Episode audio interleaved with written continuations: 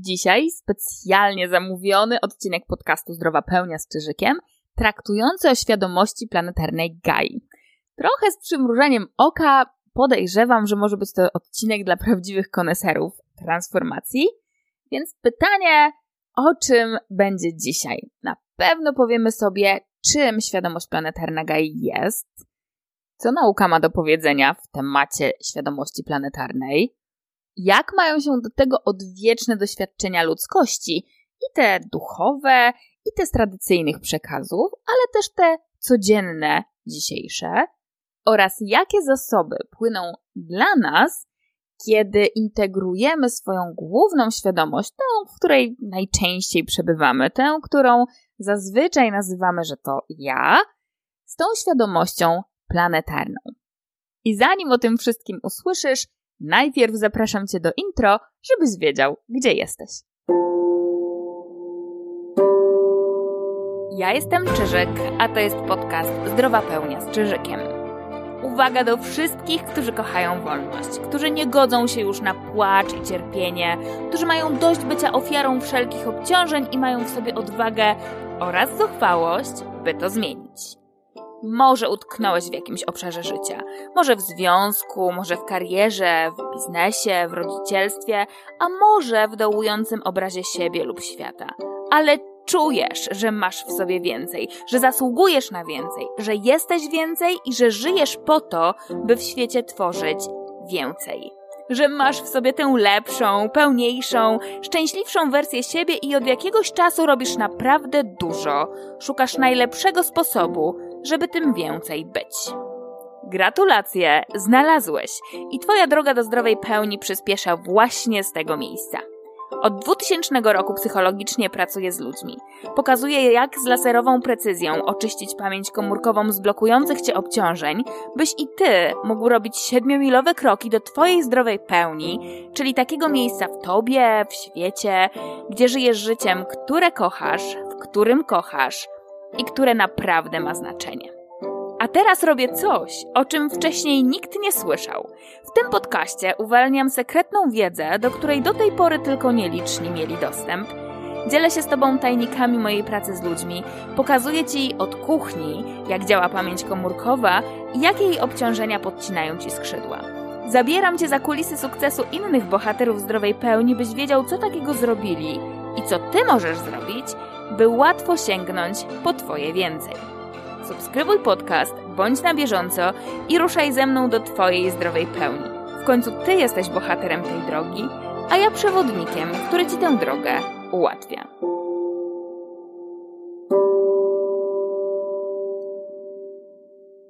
Może już Ci się obiło o uszy, może jeszcze nie, że kiedy pada pytanie, czym są narzędzia zdrowej pełni, to ja zazwyczaj odpowiadam, że to są sposoby wewnętrznej transformacji i sposoby wewnętrznego uwolnienia i ubogacenia, dzięki którym krok za krokiem jesteś coraz bliżej swojej zdrowej pełni, czyli takiej przestrzeni, takiego miejsca w tobie i w życiu, gdzie możesz dwoma rękoma podpisać się pod tym, że tak, żyję życiem, które kocham, w którym kocham i które naprawdę ma znaczenie. Czasem jednak z zadziornym uśmiechem mówię, że gdyby nauka i duchowość się ze sobą spotkały i miały dzieci, to te dzieci można by nazwać narzędziami zdrowej pełni. I dzisiejszy odcinek podcastu Zdrowia pełnia szczerzykiem myślę, że jest na to najlepszym dowodem. Dlaczego? Dlatego, że przyjrzymy się temu, co na temat Gai mówi zarówno nauka, jak i odwieczne doświadczenia ludzkości, które w wielu kulturach i dzisiejszych, i starożytnych są utożsamiane z duchowością. Zacznijmy najpierw od naukowej strony całego zagadnienia i kiedy o tym mowa, to od razu przychodzi na myśl James Lovelock, ponieważ to on właśnie w latach 60. ubiegłego już wieku wyszedł z koncepcją żywej, samoregulującej się świadomości planety. Jak w ogóle do tego doszło? Otóż James Lovelock wcześniej, zanim w ogóle NASA zaprosiło go do współpracy, stworzył detektor wychwytywania elektronów. To był taki element, dzięki któremu NASA zwróciło na niego uwagę i na początku 1960 roku rzeczywiście zaproszono Jamesa Lovelocka do współpracy w NASA, ponieważ lata 60. to taki okres w dziejach naszej cywilizacji, że ludzie wówczas kierowali swoją uwagę w stronę Marsa, myśląc, czy istnieje tam życie. Niektórzy wręcz zakładali, że istnieje tam życie i że Marsjanie przyjadą tutaj, bardziej przylecą tutaj i opanują naszą planetę. Jeden z projektów miał polegać na wysłaniu sąd kosmicznych, zebraniu próbek, przywiezieniu ich z powrotem na Ziemię i zbadaniu, czy rzeczywiście życie na Marsie jest. Niespodziewanie dla NASA, James Lovelock okazał się jednym z tych genialnych naukowców, którzy jednocześnie potrafią patrzeć i na szczegóły, i na ogólny obraz sytuacji i dobrze poruszają się pomiędzy jednym a drugim. Bo kiedy James Lovelock zajął się tym problemem badawczym, w jaki sposób i na jakich próbkach się skupić, żeby problem życia na Marsie był w ogóle możliwy do rozpoznania, wyszedł poza schemat myślenia, że życie na Marsie musi być tak samo skonstruowane jak życie na Ziemi i zaczął się skupiać na pewnych mechanizmach, które są jakby pod, jakby głębiej niż samo życie. I zauważył, że to, co może mu mocno w takich badaniach pomóc, to sama atmosfera planety. Dlatego, że na przykład atmosfera Ziemi jest pełna wysoko reaktywnych ze sobą gazów, właśnie dlatego, że życie na Ziemi występuje. W bardzo dużym uproszczeniu, takie życie na Ziemi wytwarza tlen za pomocą fotosyntezy. Czyli rośliny wykorzystują energię słońca do podziału wody, dając wodór, który z kolei łączy się z dwutlenkiem węgla wdychanym z atmosfery i tworzy cukry o bardzo dużej energii. W tym procesie jest uwalniany tlen, który potem znajduje się w powietrzu. Tutaj z kolei reaguje z metanem. Metan natomiast jest wytwarzany i przez bakterie, przykład w błocie na dnie jezior, w osadach morskich, ale też jest wytwarzany w jelitach roślinożernych stworzeń, takich jak krowy, sarny, termity, a nawet wszystkożernych organizmów, takich jak na przykład my. Wszystko to powoduje, że atmosfera Ziemi jest ogromnie dynamiczna. Zachodzą w niej miliony reakcji. Gdyby porównać to do miasta, to mielibyśmy obraz ruchliwej ulicy, gdzie dzieje się naraz w jednej sekundzie, nie mówiąc już o minucie, x różnych interakcji. Tu ktoś wysiada z auta, tu ktoś przechodzi przez jezdnię, tutaj ludzie ze sobą rozmawiają, tu ktoś wchodzi, tu wychodzi ze sklepu, tu ktoś do kogoś krzyczy. Dzieje się x różnych rzeczy naraz. Taka ulica po prostu tętni życiem. W 1965 roku James Lovelock otrzymał dane astronomiczne dotyczące atmosfery Wenus i Marsa. Okazało się, że atmosfery tych planet są bardzo stabilne, dlatego że tworzy je głównie dwutlenek węgla. Czyli nie można mówić o takiej dynamice reakcji. Trochę tak, jakbyśmy mówili o ulicy opuszczonym mieście. Tutaj kojarzą mi się plany do starych westernów, także już naprawdę nic nie ma. Masz takie ghost town. Przechodzisz ulicą, tylko wiatr. Na bazie danych dotyczących składu atmosfery, James Lovelock orzekł, że misja Wikingów absolutnie nie przywiezie dowodów na życie na Marsie, ze względu na to, że atmosfera planety pokazuje, że życia tam nie ma. To jest atmosfera niezamieszkałej planety, ewentualnie atmosfera planety, na której życie już dawno wymarło. I co prawda NASA bez wielkiego entuzjazmu powitało taką opinię, natomiast kariera Jamesa Lovelocka rozkręcała się dalej. Krytyczny wgląd prowadzący Jamesa Lovelocka w kierunku odkrycia Gai pojawił się chwilę później, a miało miejsce wtedy, kiedy Lovelock otrzymał dane geologiczne, z których to wynikało, że przez 300 milionów lat atmosfera Ziemi pozostawała w przybliżeniu stała na poziomie mieszkalnym, jeśli chodzi o poziom tlenu. No i teraz pojawiło się kluczowe pytanie. Skoro życie na Ziemi się zmieniało, skoro atmosfera jest pełna mega szybko reagujących ze sobą gazów, to jakim cudem jest to możliwe? Jak przez 300 milionów lat można było utrzymać tlen na podobnym, niemalże stałym poziomie? Lovelock oczywiście zaczął szukać odpowiedzi na to pytanie i znalazł odniesienie w żywych organizmach, bo okazuje się, że poziom na przykład glukozy czy poziom konkretnych hormonów organizm utrzymuje na plus minus stałym poziomie, a nawet jeżeli ten poziom jest zagrożony, to utrzymuje go na poziomie zdatnym do przeżycia, nawet w sytuacjach krytycznych, nawet w sytuacjach, gdzie właśnie grozi zagrożenie, nie wiem, braku glukozy, nawet w sytuacjach stresowych. Oznacza to z poziomu organizmu, że jest jakiś system regulujący, który zarządza procesami wewnątrz organizmu, tak, aby życie tego organizmu było możliwe, tak, aby można było zadbać o przeżycie i przetrwanie. I teraz podobny mechanizm w ciągu 300 milionów lat można było z poziomu atmosfery obserwować na Ziemi.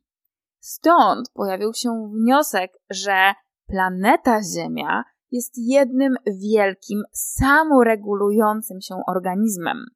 Że w związku z tym musi być coś nadrzędnego, co tym życiem na Ziemi kieruje, co doprowadza do takich interakcji w obszarze całej Ziemi, że życie może trwać dalej. Skracając długą historię do dosłownie kilku zdań, Lovelock pod wpływem swojego przyjaciela noblisty, zamiast nazywać tę świadomość planetarną, samoregulującą życie na Ziemi biocybernetyczną tendencją uniwersalnego systemu, to samo w sobie średnio mi przechodzi przez usta, Lovelock za namową swojego przyjaciela nazwał tę świadomość Gają. Od tamtego czasu ziarno koncepcji Gai powoli kiełkuje w różnych dziedzinach nauki. Najszybciej padło na podatny grunt w obszarze chemii, fizyki, ekologii. Najtrudniej było biologom przekonać się do koncepcji Gai ze względu na to, że cały koncept życia, które samo się reguluje na poziomie planety, mocno kłócił się z koncepcją samolubnego genu. Biologom trudno było wyjść poza schemat myślenia, że poszczególne organizmy będą walczyć o przetrwanie za wszelką cenę, zamiast na przykład altruistycznie wchodzić w różne interakcje na poziomie konkurencji wewnątrz czy międzygatunkowej, ale też na poziomie całego ekosystemu, w którym żyją i całego życia na planecie. Jednak z roku na rok w różnych dziedzinach nauki pojawiały się kolejne obserwacje i kolejne dowody na to, że ten samoregulujący się świadomy system rzeczywiście funkcjonuje w ten sposób, jako samoregulujące się życie na poziomie planety. Zainteresowanym mocno polecam książki samego Jamesa Lovelocka, bo to jest naprawdę fascynująca lektura. A dla pozostałych ciekawych, mam też informację, że dużo szybciej niż na gruncie nauki koncepcja świadomej, samoregulującej życie planety, Gai, przyjęła się dużo szybciej w środowiskach, powiedzmy, duchowych, na wtedy new age'owych. Dlaczego? Tutaj właśnie dotykamy drugiego elementu narzędzi zdrowej pełni, ponieważ na początku powiedziałam Ci lekko z przymrużeniem oka, że gdyby nauka i duchowość rozumiana jako wewnętrzne doświadczenia człowieka, może nawet na poziomie wewnętrznych doświadczeń ludzkości, spotkałyby się, zakochałyby się w sobie do szaleństwa i miałyby ze sobą dzieci, to to są właśnie narzędzia zdrowej pełni. Teraz tą stronę naukową, powiedzmy tatę, już znasz z tej pary. Natomiast mama, ta strona duchowa, dotyczy właśnie tego, co wiele kultur na świecie zauważyło już dużo, dużo wcześniej niż James Lovelock. Dotyczy tego, co sięga tak naprawdę, przynajmniej z tego co wiemy na teraz, początków szamanizmu, czyli ma jakieś 50 tysięcy lat historii. Dotyczy takiego animistycznego podejścia do żywej planety jako matki natury. I w różnych kręgach różnie ludzie na tę siłę, na tę świadomość planetarną mówili. Możesz ją spotkać pod pojęciem właśnie matki natury czy matki ziemi. Możesz ją spotkać pod pojęciem Urwal-Mać. Możesz ją spotkać pod pojęciem Pachamama. Możesz ją spotkać, szczególnie już w późniejszych, bardziej magiczno-religijnych ujęciach, jako boginię. No i tutaj w zależności od nurtu możesz ją znać pod imieniem Isis, Maryja, Matka Boska, możesz ją znać pod imieniem Gaja, jak starożytni Grecy, ale w jeszcze późniejszych kawałkach, już takich w ludowych przekazach, możesz ją znać jako Babę Jagę. Gdybyś chciał wiedzieć, dlaczego Baba Jaga, to więcej na ten temat znajdziesz w poprzednim odcinku podcastu Zdrowa Pełnia z Czyżykiem, kiedy rozmawiam z Tobą na temat w ogóle sił leczących, jakie uruchamiamy sięgając po narzędzia zdrowej pełni i tam też znajdziesz rozwiązanie zagadki, dlaczego świadomość planetarna Gai to właśnie Baba Jaga. Teraz jednak wspólnie pochylmy się nad tym, jak świadomość planetarną Ziemi, jak Gaję, ludzkość od dawien dawna rozumie, czuje i jak jej doświadcza. Peruwiański szaman, który jakiś czas temu stanął na mojej ścieżce, zapytany, czym lub kim jest Pachamama, odpowiedział, że mama nie trzeba nikomu tłumaczyć, bo to jest słowo, które rozpoznają ludzie na wszystkich kontynentach Ziemi. Tajemnica tkwi zatem w słowie Pacha. I tak jak szaman tłumaczy Pacha, to w zależności od kontekstu, Pacha może oznaczać świat, może oznaczać ziemia, może oznaczać przestrzeń, czas, a nawet kosmos.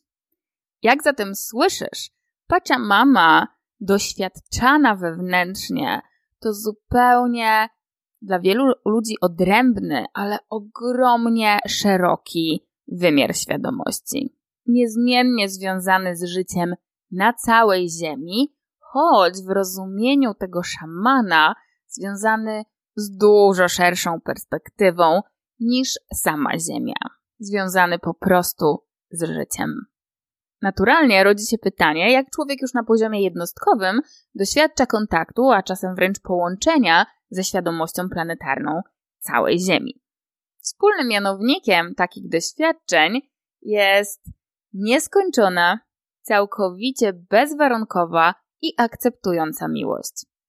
Pozwól, że najpierw pokażę Ci świadectwo Angeliki, jednej z bohaterek zdrowej pełni, która poprzez proces odzyskiwania kontaktu ze świadomością planetarną Gai i poprzez proces połączenia, zintegrowania tych dwóch świadomości, tej swojej świadomości głównej ze świadomością planetarną, doświadczyła tego, o czym Ci zaraz opowie, a potem pokażę Ci świadectwo, jak ludzie zazwyczaj obcują z tą świadomością planetarną Gai, kiedy nie mają narzędzi zdrowej pełni kiedy nie wiedzą, jak się do tej świadomości dostać lub jak się z nią zintegrować. Najpierw zapraszam Cię do posłuchania historii Angeliki. Był taki moment niesamowity dla mnie, gdzie byłam w procesie i wręcz tak jakbym czuła dosłownie każdy, każdy organ swojego ciała. Było to coś niesamowitego i wręcz dla mnie takiego no nawet nie jestem w stanie to, tego nazwać. Było to dla mnie coś takiego jakby mistycznego wręcz, że ja te organy tak po prostu czuję. Czuję wszystko to, co mam, że to żyje, że to funkcjonuje, że to się tak jakby naprawdę uwalnia od tego, od tego obciążenia, bo ja wręcz widziałam w tym procesie te obciążenia i widziałam, jak później te narządy normalnie, tak jakby one zaczynały żyć od nowa. Tak jak ja bym od nowa zaczęła żyć na nowo, tylko taka zupełnie ja.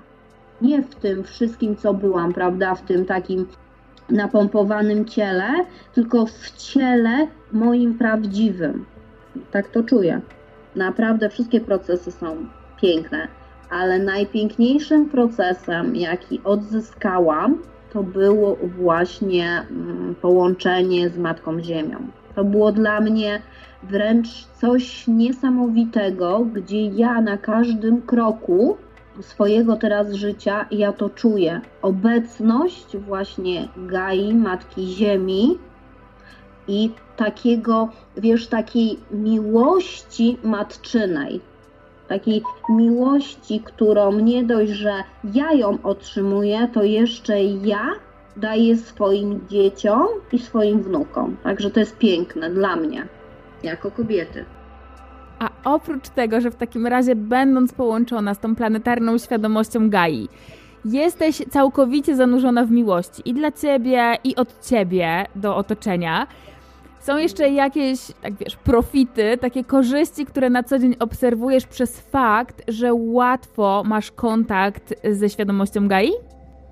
No znaczy, wiesz, no te profity to ja tak odczuwam na każdym kroku, bo, bo, bo ja czuję obecność mm, wszędzie właśnie Matki Ziemi, że, że ona jest ze mną. Nawet wręcz jest tak, że rozmawiam z nią i czuję, jak, jak ona by mi odpowiadała, no prawda, no czuję w ciele u siebie te zmiany. Mhm. To, jest, to jest to dla mnie niesamowite.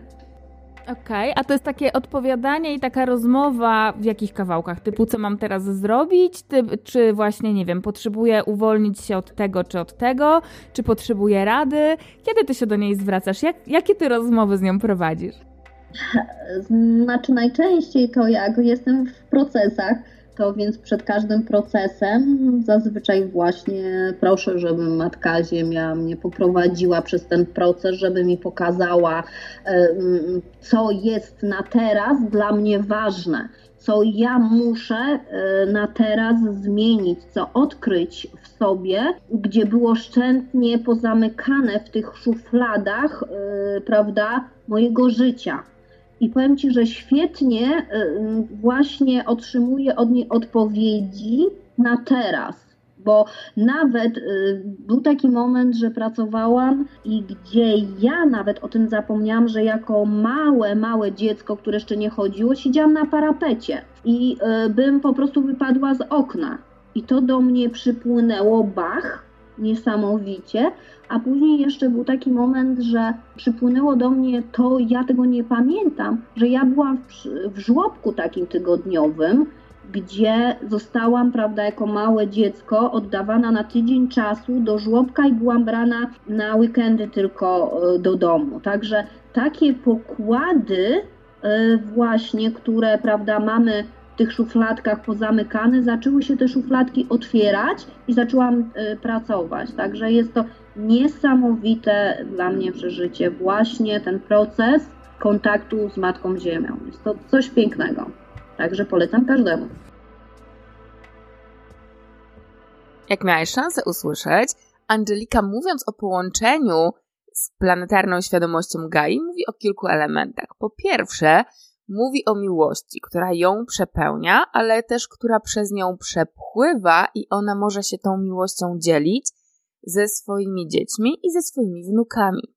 Po drugie, mówi o takim wewnętrznym wiedzeniu, które często ludzie nazywają po prostu intuicją, a po trzecie, mówi o zupełnie innym odczuwaniu całego ciała. Mówi też o tym, że te jakości stają się naturalnym elementem jej codziennego życia, bez konieczności starania się o nie, wypracowywania ich, bez konieczności robienia czegokolwiek, aby tak naprawdę w jej życiu zaistniały, co jest związane z połączeniem z tą świadomością Gai, a nie tylko od czasu do czasu z przytulaniem się do tego, czy z zaglądaniem akurat w te rejony. Ponieważ jednak każdy z nas jesteśmy zanurzeni w tej świadomości planetarnej Gai, bo każdy człowiek, przynajmniej na poziomie materialnym, pochodzi z Ziemi. Nasze ciała są zrobione z tego, co, czym Ziemia dysponuje. W związku z tym wszyscy do świadomości planetarnej Gai mamy dostęp, chociaż zdecydowana większość ludzi w swoim wewnętrznym doświadczeniu jest od tego odcięta. Dlatego codzienne doświadczenia ludzi związane z obcowaniem ze świadomością planetarną Gai można by opisać na kontinuum. I teraz po jednej stronie tego kontinuum będziemy mieli do czynienia z doświadczeniem alienacji i z doświadczeniem no, całkowitego odcięcia, odczucia tej miłości Gai. Myślę, że fragment wiersza księdza Twardowskiego, Wielkanocny Pacierz, dobrze oddaje akurat tę dynamikę. No idzie mniej więcej tak. Nie umiem być srebrnym aniołem, ni gorejącym krzakiem. Tyle zmartwychwstań już przeszło, a serce mam byle jakie. Tyle procesji z dzwonami, tyle już alleluja, moja świętość dziurawa. Na ćwiartce włoska się buja.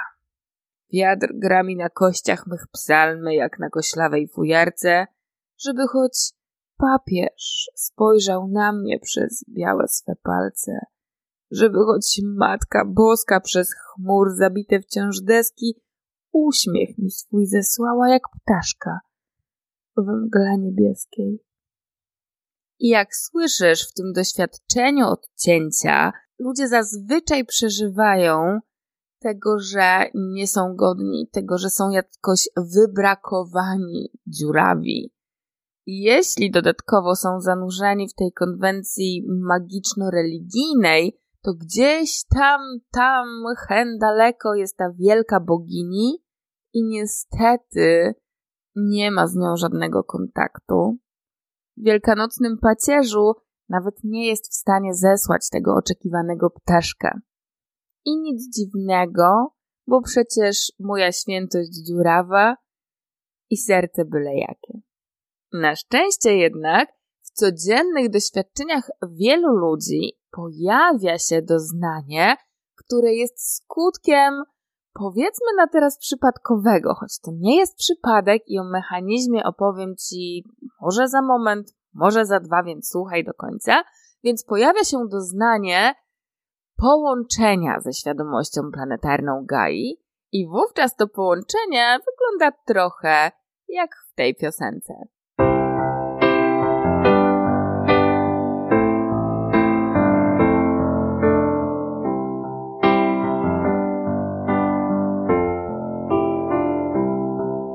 When I find myself in times of trouble, Mother Mary comes to me, speaking words of wisdom, let it be. And in my hour of darkness, she's standing right in front of me, speaking words of wisdom, let it be. Let it be, let it let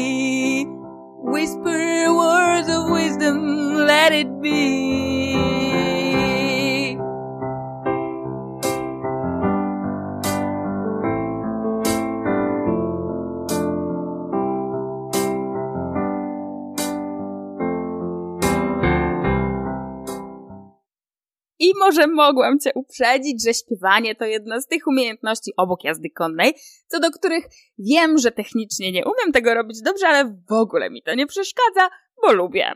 Więc na przyszłość będziesz wiedzieć. Teraz jednak przejdźmy do merytorycznego skarbu ukrytego w tej piosence, a mianowicie do tego, w jaki sposób człowiek sam z siebie czasem po prostu z tą świadomością planetarną Gai się łączy. Zanim o tym, no to istotna kwestia jest taka, że akurat tutaj w Let It Be ta świadomość planetarna Gai jest ukryta pod maską Matki Boskiej, Świętej Maryi. I jak wiesz z tego, co mówiłam wcześniej, postrzeganie świadomości planetarnej w postaci wielkiej bogini to ogromnie długa tradycja, którą jako ludzie na tej ziemi nosimy. Nie zaczęła się w momencie budowania religii, zaczęła się dużo, dużo wcześniej. Wywodzi się z podejść i rytuałów magicznych. Dla mnie osobiście ciekawą obserwacją jest to, że pracowałam zarówno z ludźmi, których ścieżka rozwojowa prowadziła przez magię lub wikanizm, jak też z tymi, którzy byli mocno zanurzeni w religii, na przykład w oazach chrześcijańskich.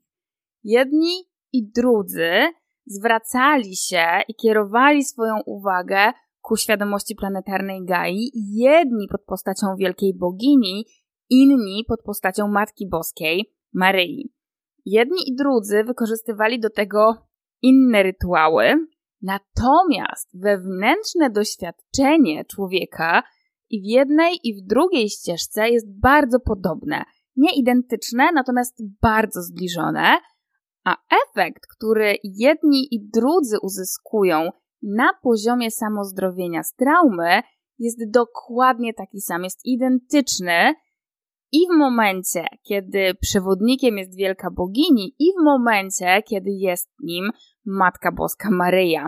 Bo i tutaj, i tu człowiek tak naprawdę łączy się swoją świadomością z wymiarem świadomości planetarnej. I to, o czym teraz mówię, ma miejsce wtedy, kiedy człowiek już jakiś sposób dostępu tam ma.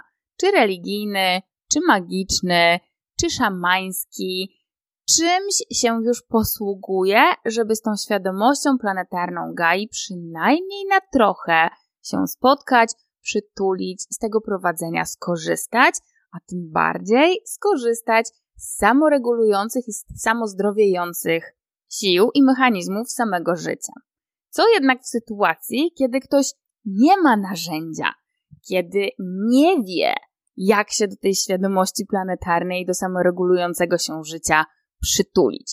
No i właśnie rozwiązaniem tej zagadki są słowa Let It Be, Dlatego, że zdecydowana większość ludzi, kiedy nie wie, że nawet taki wymiar świadomości jest, a tym bardziej nie wie, jak się do niego dostać, zazwyczaj ma spontaniczny dostęp w sytuacji, kiedy wszystko odpuszcza, kiedy naturalnie akceptuje. Dla większości ludzi dzieje się to wtedy, kiedy już nie dają rady. Najzwyczajniej w świecie już wszystko, co zrobili, a co było w oparciu o traumy i różnego rodzaju obciążenia. Cała walka, którą toczyli, cała kontrola, którą sprawowali, doprowadziła ich na manowce, zrobili wszystko, co mogli i już naprawdę nie mają siły zrobić nic więcej. I następuje taki moment, ok, jak już mi wszystko jedno, to po prostu niech będzie, jak ma być. I sam ten akt rzeczywistego odpuszczenia i zaakceptowania powoduje, że na poziomie naszej pamięci komórkowej nasze kryształki świadomości przełączają się z tych mocno obciążonych miejsc i kierowane właśnie tym samoregulującym życiem zaczynają czerpać z miejsc, które są zasobne, które są daleko od traumy jednocześnie to czerpanie i to pozwolenie na poprowadzenie siebie przez życie, przez planetarną świadomość, powoduje włączenie zasobów samozdrowienia, głównie z traum i obciążeń, które do tej pory człowiekiem targały. Na tym właśnie polega tajemnica Let It Be. Żeby Ci lekko przybliżyć i ukonkretnić to, o czym do tej pory jednak trochę ogólnie opowiadam, pozwól, że opowiem Ci kawałek mojej własnej historii. Jest to kawałek, który dzieje się w trakcie mojej pierwszej ciąży, czyli no ponad kilkanaście lat temu. Plus jest to kawałek doświadczenia okołoporodowego. I gdybym się urodziła i wychowała w jednej z kultur pierwotnych, pewnie byłabym całkowicie przygotowana na to, co się zdarzyło. Ponieważ jednak urodziłam się i wychowałam w Polsce, gdzie do tamtego momentu nie miałam dostępu do tego typu doświadczeń czy przekazów i w ogóle jakiekolwiek ceremonie, rytuały przejścia były mi obce, dlatego to, co się podziało, było dla mnie naprawdę sporym wyłomem w dotychczasowym moim sposobie postrzegania świata. Historia jest dość długa, więc skondensuję ją najbardziej jak umiem. Zaczyna się około drugiego miesiąca ciąży, kiedy to ląduję na warsztacie rozwojowym, wcale nie jakimś głębokim, powiedzmy sobie szczerze. W ramach tego warsztatu jedno z ćwiczeń polegało na kinestetycznym sprawdzeniu odczuć z ciała. Dla większości uczestników było to doświadczenie bardzo płytkie. Ja natomiast całkowicie odpłynęłam. Dla mnie było to doświadczenie naprawdę głęboko transowe. Zdarzyło się tak, że okej, okay, ja się położyłam, bo mi tak było wygodniej, i zanim weszłam w zewnętrzne prowadzenie, najpierw oddychając spokojnie i miarowo, jakby zapadłam się w swoje ciało i połączyłam się z dzidziusiem, tak żeby go po prostu przytulić, ochronić, bo nie wiedziałam, czego zacznę w trakcie tego ćwiczenia doświadczać.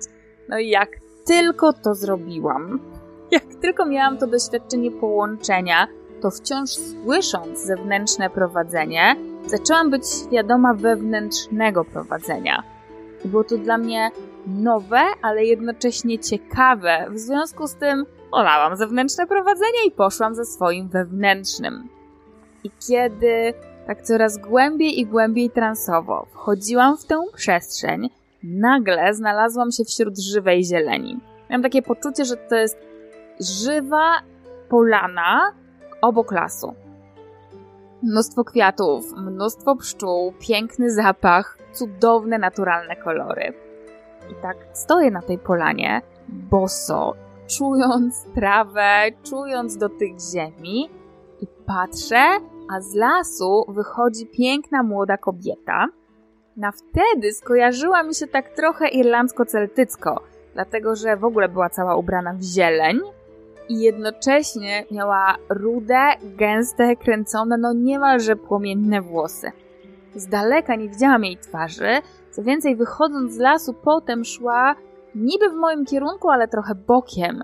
Jedyne, co przykuwało najbardziej moją uwagę, to to, że kiedy stąpała, wypalała wszystko pod swoimi stopami. Zostawał tylko i wyłącznie popiół. Dwa kroki później miejsce wypalone zaczynało rozkwitać, kiełkować zielenią, zaczynało żyć 5, 8, 15 razy bardziej niż żyło do tej pory. I to tak mocno przykuło moją uwagę, że niemalże nie zauważyłam, jak szybko pokonała ten dystans i zbliżyła się do mnie. Więc kiedy już lekko otrząsnęłam się z tego niemal hipnotycznego doświadczenia obserwowania, wypalania, a później rozkwitu, i tak wciąż i wciąż za każdym krokiem, kiedy podniosłam wzrok, spojrzałam w twarz kobiety bardzo blisko mnie i tu przeżyłam kolejne zdziwienie, bo to była moja twarz. Okej, okay. kolor włosów nie był mój, ale twarz była całkowicie moja, prawie jakbym się oglądała w lustrze. Prawie, bo oprócz innego koloru włosów miała też inne oczy.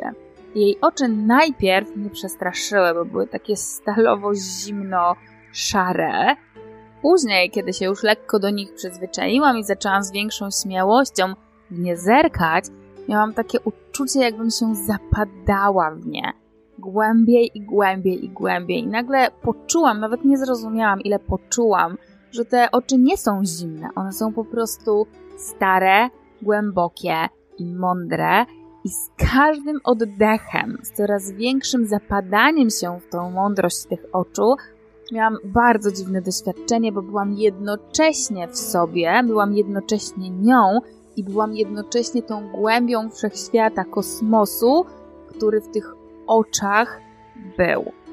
I stałyśmy tak naprzeciw siebie, uśmiechając się do siebie, nie wiem ile, naprawdę nie wiem, od uczestników tego warsztatu wiem, że z ich punktu widzenia ja po prostu zasnęłam w trakcie ćwiczenia, więc nawet mnie nie budzili. Ja natomiast byłam w bardzo głębokim transowym doświadczeniu i ile ono trwało, do tej pory nie mam zielonego pojęcia. W końcu jednak skończyło się samo doświadczenie, skończył się warsztat, wróciłam do domu. Pochłonięta codziennym życiem i jednocześnie przygotowaniami do nowej życiowej roli bycia mamą, odłożyłam to doświadczenie gdzieś na jakąś tylną półkę umysłu, nie do końca rozumiejąc, co w ramach tego doświadczenia przeżyłam, i wydawało mi się, że tak dzień za dniem to wydarzenie coraz bardziej blaknie i pewnie kiedyś zupełnie zniknie z tej półki.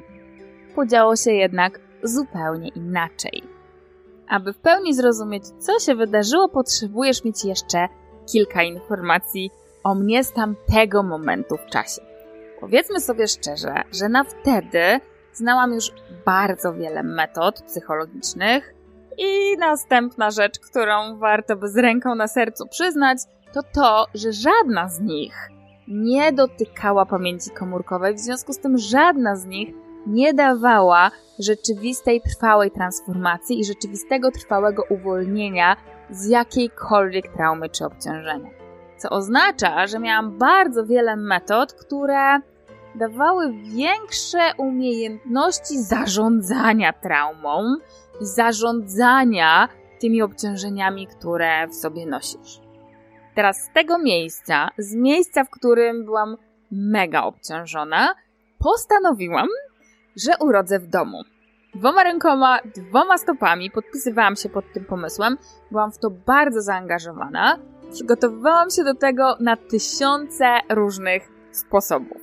I z perspektywy czasu, ja dzisiaj wiem i całkowicie rozumiem, dlaczego ten poród domowy nie mógł przebiec tak, jak ja sobie wymyśliłam, że on przebiegnie. Głównie dlatego, że moje lgnięcie do pomysłu, że urodzę w domu, było mocno sterowane traumą. Ja chciałam urodzić w domu najzwyczajniej dlatego, że bałam się tego doświadczenia, bałam się szpitala, miałam mnóstwo traum, głównie pokoleniowych, związanych ze śmiercią w trakcie porodu, ale też ze stratą dziecka. W związku z tym miałam zupełnie nieświadomy sposób zareagowania i jakby naprawienia tego potencjalnego zła i mój pomysł na to był taki, że urodzę w domu, będę miała wszystko pod kontrolą i nie oddam niczego komuś, kogo nie znam i komu nie ufam. W związku z tym miałam zaplanowany niemalże każdy kawałek tego porodu, przegadany z położną naprawdę na 1708 sposobów. Kiedy teraz o tym myślę, to trochę się z siebie i do siebie tamtej śmieję, bo absolutnie wszystko poszło inaczej niż zaplanowałam. Bo na wtedy moim sposobem radzenia sobie z traumą i obciążeniami była kontrola. Moje ciało natomiast bardzo średnio reagowało na pomysły kontroli z poziomu umysłu, więc skracając tę całą historię, sytuacja wyglądała tak, że Akcja porodowa zaczęła mi się dwa tygodnie później niż planowana. W związku z tym, od momentu, kiedy zaczęła mi się akcja porodowa, yy, chyba 12 czy 16 godzin później, położna, z którą pracowałam od wielu miesięcy, miała zaplanowany wyjazd na wakacje i samolot, na który absolutnie musiała zdążyć. Co więcej, kiedy poród się już rozpoczął i moje ciało zaczęło swój naturalny cykl, mój umysł wchodził cały czas w paradę, bo on przecież wiedział jak ma być. Tym oto sposobem przez 26 godzin doświadczałam niezłej huśtawki, w znaczeniu poród się już zaczął i ciało zaczęło działać, po czym umysł je hamował, bo przecież miało być inaczej. Tym sposobem przez 26 godzin absolutnie, mimo tego, że byłam w trakcie porodu, ten poród nie miał szansy się w ogóle wręcz nawet do końca zacząć. Ja po 26 godzinach byłam już po prostu słaba, wykończona. Jedyne co chciałam, to chciałam zasnąć, a w międzyczasie położna się już zawinęła na swój samolot. Więc po tym wszystkim albo bardziej w trakcie tego wszystkiego, kiedy już miałam naprawdę wszystkiego dosyć, już się poddałam i powiedziałam, dobrze, to niech już będzie jak ma być. Ja już naprawdę nie wiem, ja już nie mam siły niczego tutaj zrobić. No i wtedy tata mojego syna sam nie ogarniając sytuacji i nie wiedząc, co wtedy zrobić, po prostu zawiózł nas do szpitala. I teraz sytuacja wygląda tak, że ląduję w szpitalu, czyli w miejscu, co do którego od dziewięciu miesięcy wewnętrznie walczy, że absolutnie tutaj nie urodzę, wśród ludzi, których absolutnie nie znam, w trakcie akcji porodowej, która wtedy już trwała 26 godzin z hakiem, więc ląduję w tym szpitalu i już mam naprawdę wszystkiego dosyć. No i jestem w jakiejś konkretnej sali, której już na ten moment do końca nie pamiętam. I tam położne mnie instruują, co ja mam robić. Absolutnie tego nie słucham, bo to się w ogóle nie mieści w moim zaplanowanym scenariuszu. I nagle do sali wchodzi ona. Dokładnie ta sama. W zieleni, z płomiennymi włosami. Zbliża się do mnie i tak stoi koło mnie i czeka.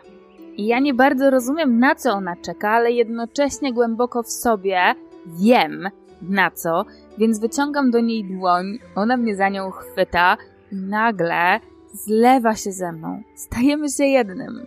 I ja w tym momencie czuję w sobie, w środku, że każda komórka mnie dokładnie wie, co ma robić. Że każda komórka mnie ma doświadczenia miliardów kobiet przede mną. Że każda komórka mnie tylko czekała na przyzwolenie, żeby móc zrobić to, do czego od początku była stworzona. I od tego momentu do czasu, kiedy uprzytuliłam synka, nie wiem, minęło naprawdę kilka minut i wszystko podziało się zupełnie gładko, łatwo, chyba nawet bezboleśnie, jak sobie tak teraz o tym pomyślę, dlatego że całość tego doświadczenia, te kilka minut rzeczywistego porodu, były dla mnie takim wręcz mistycznym doświadczeniem, a te wcześniejsze 26 godzin z hakiem były walką. I kiedy po tych wielu, wielu godzinach w końcu przytulałam syna, to po tej wcześniejszej walce jedyny objaw, który mi został, to to, że byłam tak słaba, że naprawdę nie do końca czułam nawet swój uścisk i swoje przytulanie. Nie do końca byłam pewna, czy jestem w stanie go jakby dobrze zabezpieczyć, właśnie ze względu na to, że czułam w ciele ogromną słabość, ale jednocześnie czułam olbrzymie zjednoczenie z nim i z całą naturą. Od tamtego momentu wiem, bo doświadczyłam, że noszę w sobie doświadczenia wszystkich wcześniejszych matek na tej planecie, nieważne czy ludzkich, bo prawda jest taka, że nie tylko ludzkich, że noszę w sobie dostęp do życia, które na tej planecie jest i że częścią tego życia ja, jak i moje dzieci jesteśmy kilka lat później, kiedy już wiedziałam, jak świadomie i celowo połączyć się i zjednać z tą świadomością planetarną Gai, wiedziałam również, że mój pierwszy obraz tej niby irlandzko-celtyckiej kobiety tak naprawdę był tylko i wyłącznie moją nakładką percepcyjną, że to był jakiś mój wewnętrzny obraz, zgodnie z którym jej doświadczałam, ale tak naprawdę jest ona dużo większa, szersza i bogatsza niż sama moja percepcja z tamtego momentu.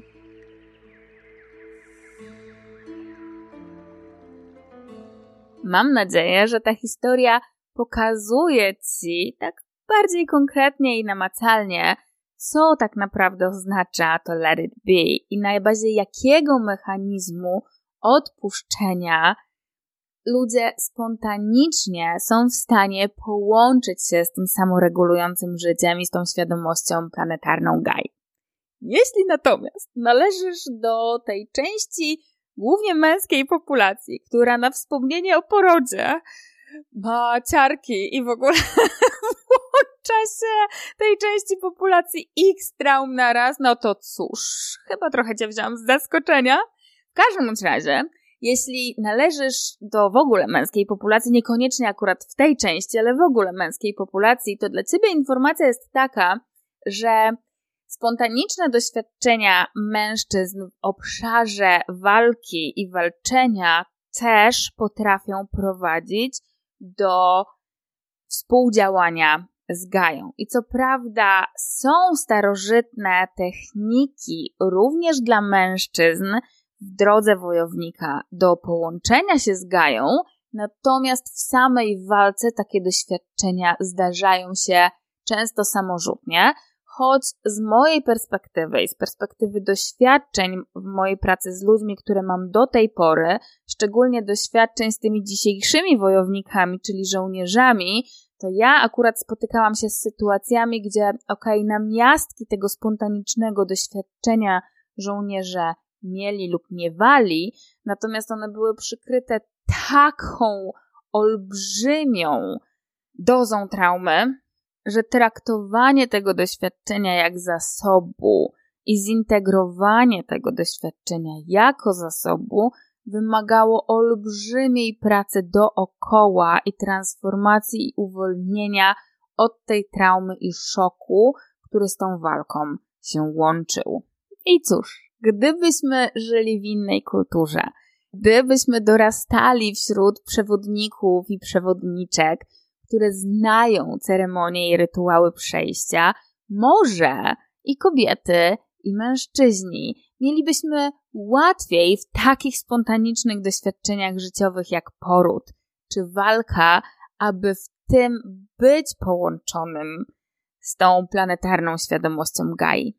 Inaczej zdecydowana większość z nas nie ma do tego dostępu, a prawda jest taka, że możemy mieć i nie trzeba szukać szamana na drugiej półkuli i nie trzeba szukać nie wiadomo kogo, ze względu na to, że narzędzia zdrowej pełni potrafią cię zaprowadzić w takie miejsce w tobie, twojej przestrzeni, gdzie rzeczywiście masz kontakt z tą świadomością planetarną Gai i potrafisz ją ze swoją świadomością zintegrować. O tym jeszcze będzie pod koniec nagrania, a teraz skupmy się na tym, po co, dla jakich korzyści i wewnętrznych benefitów ludzie sięgają po Gaję i chcą swoją świadomość zintegrować z szerszą świadomością planetarną. Po pierwsze, korzyści jest niezliczona masa, głównie dlatego, że cały ten wymiar świadomości jest niezwykle bogaty. Jak sobie przypomnisz szamana, który mówił o Pacza Mama i mówił, czym jest Pacza, że to jest i świat, i ziemia, i przestrzeń, i czas, i kosmos, i cały odrębny wymiar świadomości, to łatwo jest zrozumieć, że z każdym z tych elementów są powiązane i odrębne doświadczenia zasobne, i umiejętności zasobne, ale też stany zasobne, w jakich ludzie potrafią przebywać kiedy ich świadomość jest złączona ze świadomością Gai. Niektóre ze stanów zasobnych, o których ludzie wspominają, kiedy ich świadomość jest zintegrowana ze świadomością planetarną, to na przykład stan odczuwania świata wewnątrz naszego ciała, albo komunikacja z Gają, albo zmiennokształtność, czyli taka umiejętność zlewania się, fuzjowania własną świadomością ze świadomością innego gatunku, i na przykład nie wiem, szamanie potrafią sterować powiedzmy orłem czy kondorem i widzieć jego oczami, co się świetnie przydaje zwiadowcom.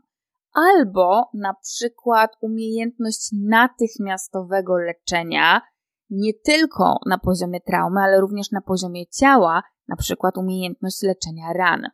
Tych stanów zasobnych związanych ze świadomością planetarną Gai jest o wiele więcej, w związku z tym też więcej umiejętności czy korzyści, jakie ludzie z tego czerpią. Żeby to trochę uporządkować, przejdę z Tobą przez wybrane baśnie, które opowiadają o Baba Jadze i o tym, jakie ona ma właściwości w związku z tym, co ludziom daje albo co ma z ludźmi wspólnego. Myślę, że jak sobie przez to przejdziemy wspólnie, to stanie się dla Ciebie dużo jaśniejszym, jakie mądrości Baby Jagi, jakie jej zasoby i jakie w związku z tym bogactwo związane z integracją ze świadomością planetarną Gai na nas czeka. Zanim do tego przejdziemy, potrzebujesz jeszcze dwóch informacji. Po pierwsze, w naszej chrześcijańskiej kulturze wizerunek Baby Jagi przez wiele lat zespoił się z takim wyobrażeniem chrześcijańskiej czarownicy, z takim obrazem pomocnicy prawej ręki szatana.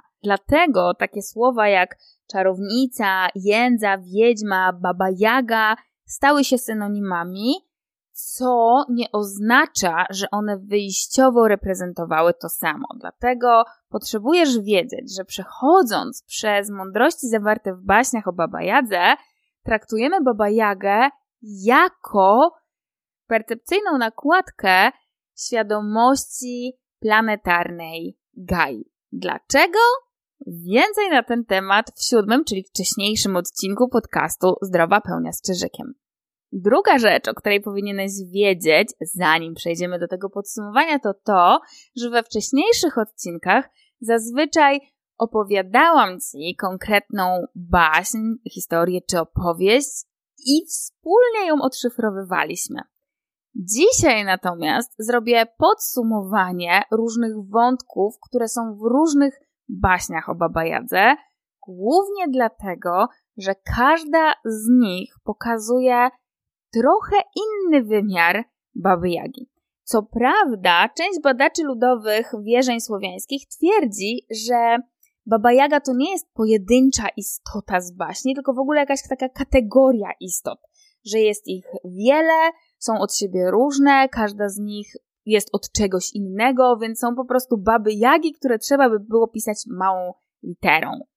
Ja mam do tego trochę inne podejście, dlatego że, tak jak słyszałaś, słyszałeś wcześniej, sama świadomość planetarna Gai jest mega bogata. I świat, i ziemia, i przestrzeń, i czas, i kosmos, i cały odrębny wymiar świadomości. W związku z tym bywa też tak, że ludzie w swoich wewnętrznych doświadczeniach bardzo często nie komunikują się i nie integrują się z całą tą przestrzenią i z całym tym bogactwem, a mają dostęp jedynie do poszczególnych wycinków i do poszczególnych zasobów w ramach tej bardzo bogatej przestrzeni świadomości. Na poziomie baśniowych przekazów o Baba Jadze oznacza to, że te tak zwane różne babajagi to są po prostu inne wycinki innych zasobów z tej wielkiej, olbrzymiej, bogatej puli świadomości planetarnej Gai. I tak, dla Twojej informacji, gdybyś chciał, gdybyś chciała w pewnym momencie sięgnąć głębiej, to motywy Baby Jagi, o których Ci dzisiaj będę opowiadać, czerpię z różnych baśni, takich jak na przykład baśnia o Wasylisie, albo Iwan Carewicz, jego siostra i Smog Goryczyn, baśń o dzikich gęsiach, baśń o Nikicie Kołtomyju i Groźnym Carze, o kniaziu Daniło Szałabile oraz o niedźwiadku, wąsalu, waligurze i wyrwidębie. Jeszcze pewnie w niektórych odcinkach podcastu Zdrowa Pełnia z Czyżykiem Zaproszę Cię do którejś z tych opowieści, opowiem Ci ją dokładnie i wspólnie krok po kroku ją odszyfrujemy, ale gdybyś chciała, gdybyś chciał zanurzyć się głębiej już teraz, to wiesz, gdzie szukać. No dobrze, takim razie, jakie bogactwa, jakie mądrości Baba Jaga w różnych baśniach ludziom daje lub niesie? Hmm, zazwyczaj występuje w jednej z trzech ról. Można ją spotkać jako darczyńcę, można ją spotkać jako opiekunkę niepokonanego obrońcę, ale można też ją spotkać jako bardzo waleczną postać. Zacznijmy od darów. Baba Jaga kojarzy się, przynajmniej na poziomie baśni, z obfitością i bogactwem. Nic dziwnego, wszak każdy zasób, jakim na poziomie materialnym dysponujemy, pochodzi z ziemi. Skąd wiadomo, że w baśniach Baba Jaga to obfitość i bogactwo? Hmm, ta prawdziwa Baba Jaga, nie ta czarownica, tylko ta rzeczywista, klasyczna Baba Jaga przemieszcza się, uwaga, cytat, na stępie tłuczkiem pogania, miotłą ślady zamiata. Koniec cytatu. Co by oznaczało, że w kulturach tak naprawdę rolnych, w których opowieści o Baba Jadze zaczęły funkcjonować, to, że ona się przemieszcza na stępie, czyli w tak naprawdę w takim ogromnym moździerzu, w takim naczyniu do rozdrabniania ziarna, to oznacza po prostu, że ona jest w centrum tego, co w kulturze rolnej jest bogactwem. Jest kojarzona z ziarnem, a przez to z obfitością, urodzajem i życiem. Po drugie, baśniowa Baba Jaga, nawet jeśli nie wprost, to jest utożsamiana z całą ziemią. Takie symbole, które mogłyby na to wskazywać, to na przykład w niektórych baśniach Baba Jaga jest najzwyczajniej ogromna. Rozmiary ma niebagatelne. Na przykład jej nogi są w jednym kącie izby, a głowa w drugim. A kiedy usta leżą na podłodze, to nos sięga sufitu. Tutaj mamy symboliczne wskazanie wielkości Baba Jagi, niczym całej Ziemi, poprzez jej rozmiary. Ale jest też druga wskazówka w innej baśni z motywem Baba Jagi, kiedy to Baba Jaga wychodzi z podziemi. Cytując, brzmi to tak. Zaszumiało, zawirowało, w oczach zrobiło się zielono, ziemia się wybrzuszyła, spod ziemi kamień wychodzi, spod kamienia Baba Jaga kościana noga.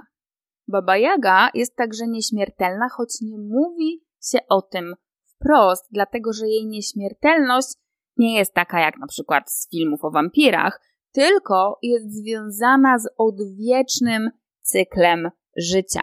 W tej cykliczności na przykład córka Baba Jagi, no Baba Jaga nie zawsze ma córkę, ale w niektórych baśniach ma córkę i córka Baba Jagi to cud dziewczyna, która sama w sobie też ma magiczne zdolności. W innych jednak baśniach cud dziewczyna jest córką słońca i księżyca. W związku z tym Baba Jaga, wiadomo już z tych przekazów ludowych, ma w sobie i komponent słońca i komponent księżyca. Zawiera w sobie całość cyklu i słonecznego i miesiącowego. Są baśnie, które wskazują, że Baba Jagę można zabić tylko i wyłącznie poprzez ścięcie mieczem. To musi być konkretny miecz i trzeba to zrobić za jednym zamachem, dlatego że każda następna ponowiona próba ścięcia Baby Jagi tak naprawdę ją odżywia, ożywia i przywraca jej siłę. Więc w postaci Baby Jagi mamy kolejny cykl, tym razem nieskończony cykl życia i śmierci, ale jest jeszcze jeden cykl, o którym baśnie o Baba Jadze mówią, dlatego że Baba Jaga ma sługi i to są biały, czerwony i czarny jeździec, co tak naprawdę jest symbolem dnia, słońca i nocy, więc mamy do czynienia w tym momencie z cyklem dobowym. A to oznacza, że w baśniowych, ludowych przekazach Baba Jaga zawiaduje każdym cyklem związanym z życiem na Ziemi i związanym z działalnością człowieka. Zarówno cyklem słonecznym rocznym, jak i miesięcznym, bardziej miesiącowym, jak i cyklem dobowym, ale również całym nieskończonym cyklem pomiędzy życiem i śmiercią.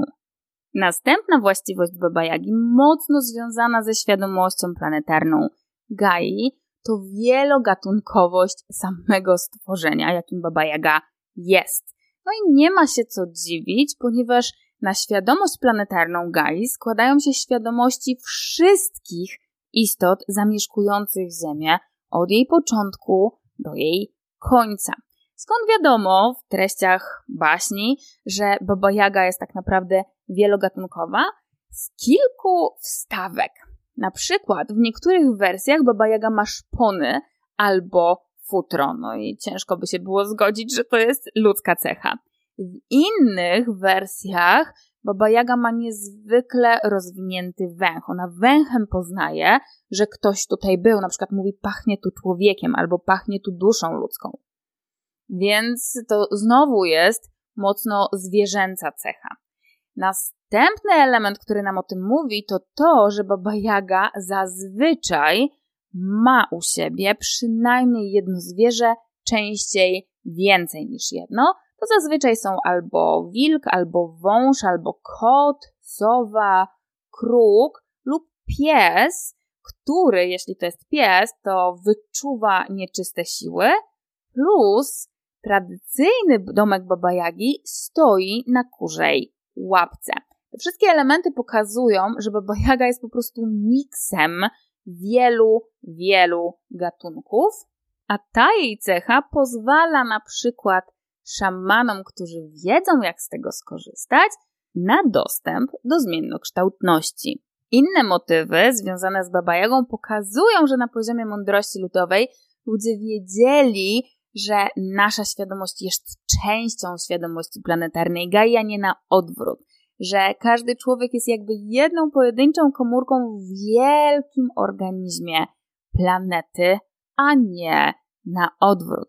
Skąd to wiadomo? No na przykład, jak sobie weźmiemy pod uwagę samo domostwo Baby Jagi, to zazwyczaj w większości przekazów płot wokół domku Baba Jagi jest z ludzkich piszczeli, czasem z ludzkich kręgosłupów.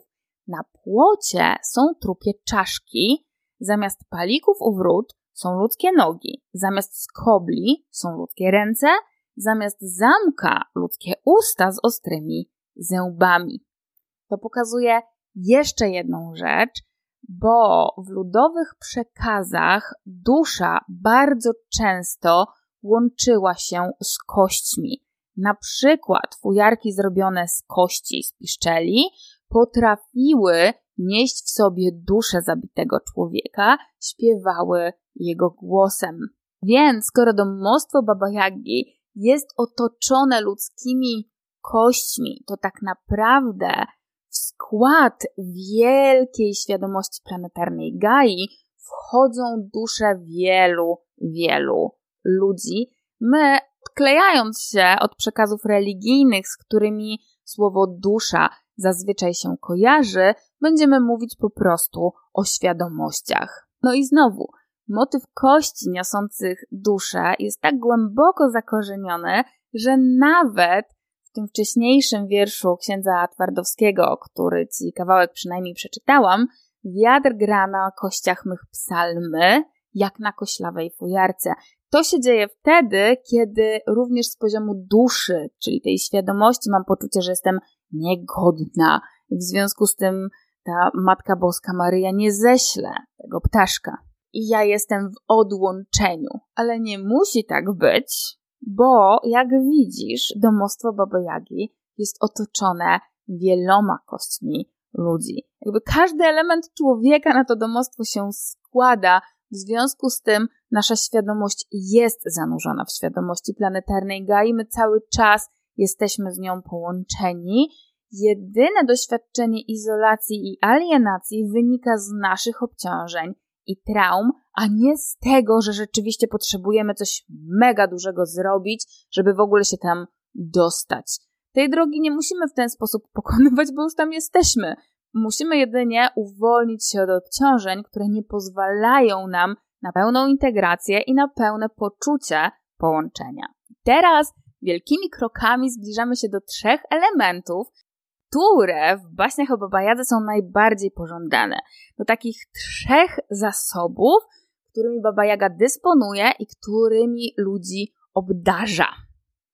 Pierwszy z nich dotyczy tego, że Baba Jaga, czyli że świadomość planetarna Gai potrafi ludzi połączyć w zdrowe związki. I są całe baśnie, które krok po kroku pokazują, co konkretnie jest istotne i jak to zrobić, żeby tak być ze sobą w połączeniu i w połączeniu ze świadomością planetarną Gai, że związek, który tworzymy, jest zdrowy i z najlepszym, najzdrowszym dla nas partnerem. Tego jest więcej. To jest taki obszar, o którym wiem, że część z Was prosiło mnie o więcej informacji, więc dzisiaj tylko zapowiadam, że jest taki obszar, że jest takie bogactwo Baba Jagi i na pewno do niego usiądziemy wspólnie i na pewno się nad nim pochylimy szczegółowiej, więc wypatruj kolejnych odcinków. Może nie następnego i nie kolejnego, ale następnych odcinków wypatruj również z tym motywem i z taką mądrością. Drugi zasób, który Baba Jaga w sobie ma i którym bardzo chętnie ze śmiałkami się dzieli, to są jej wskazówki i jej prowadzenie. I już gdzieś tam wcześniej w ramach tego odcinka Ci wspomniałam, że część ludzi utożsamia planetarną świadomość Gai z intuicją. W baśniach bohaterowie dostają atrybuty, dzięki którym podążają dokładnie najlepszą dla siebie drogą. Po pierwsze, może to być niebieski kłębuszek, który rozwijając się wskazuje właściwą drogę. Po drugie, czasem bywa to na przykład ręcznik. I teraz wystarczy ręcznikiem machnąć w jedną stronę, a pojawia się most, a jak machnie się w drugą stronę, to most znika, przez co żaden wróg nie jest w stanie za bohaterem podążyć. Inne baśnie mówią, że Baba Jaga dysponuje magicznym gwizdkiem, co samo w sobie jest bardzo ciekawe, dlatego że mocno wiąże się z tak zwanymi komendami gai, których w ramach zdrowej pełni używamy w niektórych procesach transformacji. Czym jest komenda gai?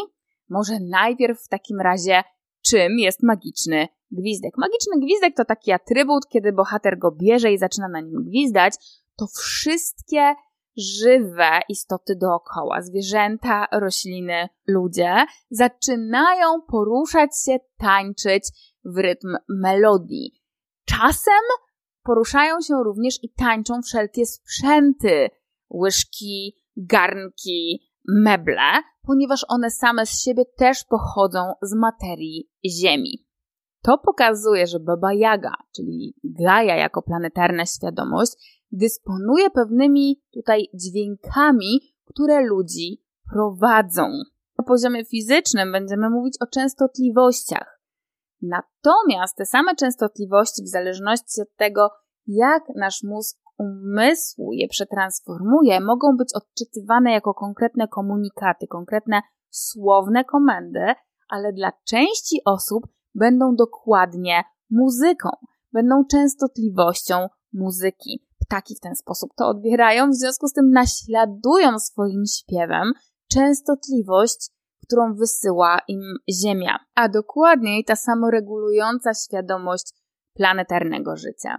W baśniach, w których pojawia się motyw tego jakby czarodziejskiego gwizdka, ciekawa właściwość jest taka, że bardzo często ten taniec jest mocno niekontrolowany. Wszystko dookoła zaczyna tańczyć i doprowadza do olbrzymich zniszczeń. Czy to oznacza, że ta sama regulacja życia ma dążyć do zniszczenia? Absolutnie nie.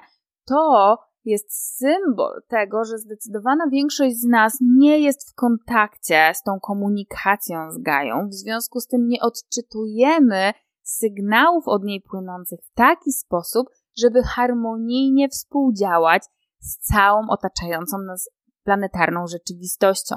Właśnie dlatego taniec staje się niekontrolowany, ponieważ każdy element tego tańca, każdy człowiek, każdy sprzęt, każde zwierzę czy roślina w danym pomieszczeniu zaczyna tańczyć po swojemu i zamiast tworzyć harmonię, tworzy zniszczenie.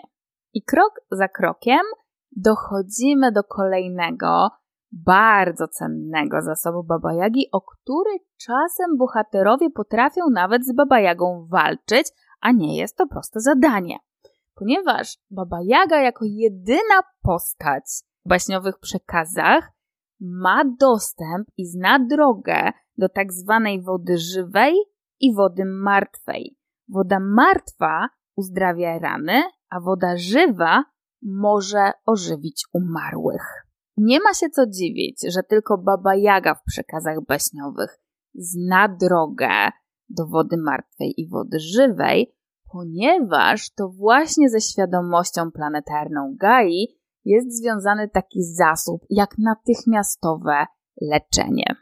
Ze wcześniejszej opowieści Angeliki wiesz, jak inaczej Odzyskawszy dostęp do świadomości planetarnej Gai, zaczęła odczuwać swoje ciało i organy w ciele. To, czego jeszcze nie wiesz, to to, że w niektórych procesach jej samo zdrowienie, samo leczenie na poziomie organizmu zaczynało dziać się zupełnie samo. Jedyne, co potrzebowała zrobić, a zaczęło się to dziać po tym, jak odzyskała dostęp do świadomości planetarnej Gai, to jedyne, co potrzebowała zrobić, to zauważyć, że to się dzieje i nie przeszkadzać. Po prostu być w sobie, oddychać i zaakceptować ten proces. I wiele procesów w ten sposób zaczęło się dziać samoistnie. I tak naturalnie doszliśmy do miejsca, w którym jeśli którykolwiek z zasobów tej baby Jagi, czyli tak naprawdę planetarnej świadomości Gai, do ciebie przemawia i cię do siebie ciągnie i tak czujesz, że tak to jednak ty widzisz siebie w tamtym miejscu, to naturalnie pojawia się pytanie, jak to zrobić? Jak odzyskać dostęp do wymiaru świadomości Gai? Po pierwsze, warto sobie powiedzieć, że mimo tego, że niektórym się wydaje, że nasza świadomość, niektórzy to utożsamiają z duszą, jest jakby ludzikiem, który ubiera garnitur pod tytułem ciało, to jednak to nie do końca jest zgodne z sytuacją, jaką obserwujemy na poziomie naszej pamięci komórkowej. Otóż, kiedy znasz prawidła pamięci komórkowej, to okazuje się, że świadomość nie jest pojedynczym, zintegrowanym ludzikiem, tylko bardziej mozaiką złożoną z wielu puzli. Im bardziej te puzzle są ze sobą zintegrowane, tym bardziej obraz, który tworzą, jest spójny, całościowy i zdrowo działający.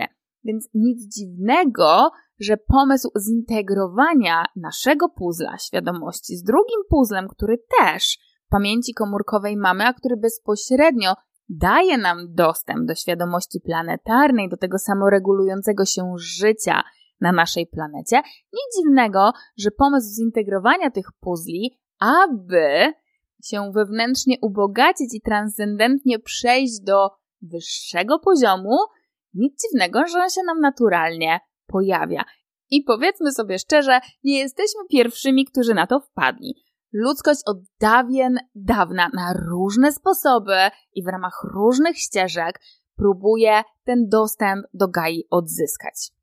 Większość podejść i rozwojowych, i religijnych jednak prowadzi na zewnątrz. Przykładowo, istnieją szamańskie rytuały, w ramach których ludzie są zakopywani w ziemi, bo wtedy naprawdę już nie ma bata.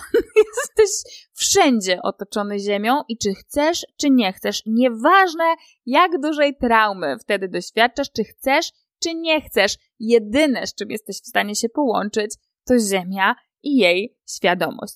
Istnieją też na przykład słowiańskie rytuały dla kobiet, które są takimi wewnętrznymi medytacjami związanymi z tym, że centrum macicy łączy się z tak zwanym kwiatem ziemi, ale to też jest rytuał nastawiony na zewnętrzne połączenie naszego ciała z ziemią. Są też rytuały dla wojowników, które jak ja o nich czytam albo słyszę, to po prostu Jezus Maria, włos mi się jeży i cieszę się, że nie jestem wojownikiem, bo przykładowo taki przyszły ninja był kształcony od chyba trzeciego czy czwartego roku życia i cały jego trening był związany z nieskończonymi radami, biciem i tego typu historiami, a końcowy egzamin między innymi zakładał, że wieczorem przebijało mu się wątrobę i parę innych organów, już nie pamiętam których, ran, zostawiało go się na noc i rano sprawdzano. Jeśli do rana wyzdrowiał sam z siebie, no bo przez wiele, wiele lat dostawał różnego rodzaju narzędzia i techniki, które mu się pozwalały z ziemią łączyć i wykorzystywać natychmiastowe leczenie, jeśli do rana był w pełni sił, zupełnie zdrowy, znaczy, że się nadawał. To tylko niektóre z całego ogromu wielu dróg, które ludzkość do tej pory wypracowała, aby do Ziemi się zbliżyć. Każda z nich zakłada, że tu jesteśmy my, tam jest ta Matka Ziemia i tam na zewnątrz w stosunku do nas są te zasoby. To tylko pokazuje i jest kolejnym dowodem na to, jak mocno jesteśmy od świadomości planetarnej Gai, od tego wymiaru świadomości, odcięci, dlatego że jeżeli jesteśmy w dysocjacji, to wtedy rzeczywiście postrzegamy Gaję i jej wymiar świadomości jako zewnętrzny względem nas samych. Tymczasem, kiedy wchodzisz na swoją drogę do swojej zdrowej pełni i korzystasz z narzędzi zdrowej pełni i dokonujesz swojego uwolnienia i transformacji na poziomie pamięci komórkowej, wówczas sięgasz po Gaję, po ten wymiar świadomości, idąc od środka. Nie bazujemy na dysocjacji, wręcz przeciwnie, uwalniamy się od różnego rodzaju traum i obciążeń, które odcinają nas od Gai, dzięki czemu sięgamy po ten wymiar świadomości w procesie do wnętrza siebie i tak odzyskujemy połączenie z Gają. korzystamy w tym procesie z komend z samego prowadzenia Matki Ziemi właśnie, trochę jak z tego gwizdka czy kłębka od Baba Jagi. Sięgamy także do pierwszych wydarzeń rozwojowych i będąc w regresji w bardzo wczesnych wydarzeniach, jeszcze przedurodzeniowych, doprowadzamy do tego, że uwalniając te konkretne wydarzenia od traum i obciążeń, które były z nimi związane, naturalnie jesteśmy w kontakcie z samoregulującym się życiem, które jest na naszej planecie i które tą planetą steruje. I jeśli jesteś jedną z tych osób, które dla siebie i dla swojego otoczenia chcą więcej i to więcej zdrowego, i która podpisuje się pod tym, że tak, chce siebie uwolnić od wszelkiego rodzaju obciążeń, chce zintegrować swoją świadomość, dzięki czemu tak chcę móc powiedzieć o sobie, że owszem, żyję życiem, które kocham, w którym kocham i które naprawdę ma znaczenie, wtedy ciepło Cię zachęcam nie tylko do obserwowania podcastu, ale również do zajrzenia do grupy GPS do zdrowej pełni, ponieważ pewnie końcem wakacji będziesz mógł już mieć dostęp do nowej edycji programu Moja droga do zdrowej pełni. W ramach tego programu, w jego drugiej, bardziej zaawansowanej części, Pierwsze etapy programu dotyczą podstawowych narzędzi, na bazie których uwalniasz swoją pamięć komórkową, które są konieczne do tego, żeby bardziej zaawansowane procesy, na przykład odzyskanie kontaktu ze świadomością planetarną Gai, w ogóle móc dla siebie zrobić. Więc w tej bardziej zaawansowanej części programu Moja droga do zdrowej pełni możesz również zanurzyć się i zintegrować ze świadomością planetarną Gai, także koniecznie śledź podcast, ale także zaglądaj do facebookowej grupy GPS do zdrowej pełni. Teraz natomiast powoli będę się z Tobą żegnać, wiedząc, że dzięki dzisiejszemu odcinkowi wiesz, plus minus przynajmniej, czym świadomość planetarna Gai jest, jak przez naukę oraz przez bardzo szeroko rozumianą duchowość jest postrzegana, jakie zasoby się z nią wiążą, w jaki sposób ludzie do tej pory szukali dostępu do tej szerokiej świadomości planetarnej Gai oraz jak, korzystając z narzędzi zdrowej pełni, możesz zrobić to szybciej, łatwiej i bardziej na stałe. Tymczasem mam nadzieję, że ten wspólny czas przybliżył Cię jeszcze bardziej do wiedzy, że trwanie w życiowym utknięciu to największa głupota.